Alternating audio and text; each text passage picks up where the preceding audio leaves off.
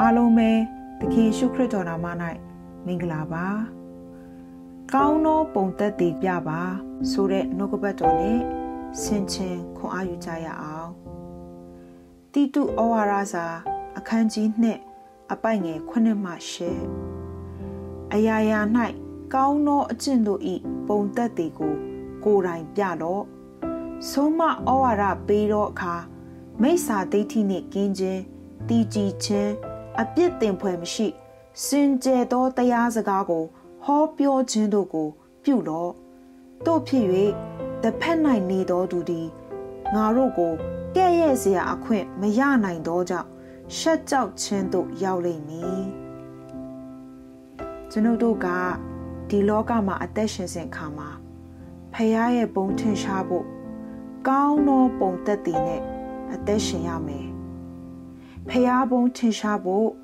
ကျွန်ုပ်တို့ကနှုတ်ကပတ်တော်နဲ့အစဉ်သွားလာရပါမယ်ကျွန်ုပ်တို့ကိုရန်သူကကဲ့ရဲ့ဖို့ရန်အစဉ်ချောင်းမြောင်းနေပါတယ်ကျွန်ုပ်တို့ရဲ့အမားကိုစောင့်ကြည့်နေပါတယ်ဒါကြောင့်ကျွန်ုပ်တို့ဆုံးမဩဝါဒပေးတဲ့အခါမှာကိုယ်တိုင်အပြစ်တင်ခွင့်နဲ့ကင်းဖို့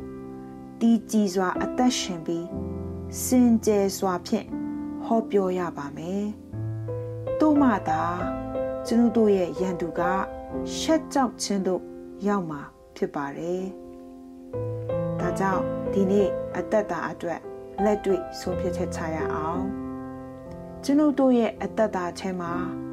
သူတစ်ပါးဤအပြစ်တင်ခွင့်နဲ့ကင်းလို့ပြီးတည်ကြည်သောအသက်တာနဲ့အသက်ရှင်ရှောက်လန်းကြရအောင် ဆုတောင်းကြပါစို့မေတ္တာတော်ရှင်ဖဖရာယုံကြည်သူများ၏အသက်တာချမ်းမှာအရာရာ၌ကောင်းသောအကျင့်အားဖြင့်ကိုရော့ပုံထင်ရှားစေတော်သူများဖြစ်စေပါအပြစ်တင်ခြင်းနဲ့ကင်းလွတ်တော်သူများဖြစ်စေပါမာနရဲ့ကဲ့ရဲ့စရာအကြောင်းမဖြစ်ဖို့အမားနဲ့ကင်းသောဩဝါဒကိုဟောပြောတတ်စေပါဂျေဇုရှင်အဖဖရာ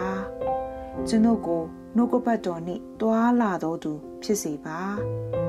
အရာရာ၌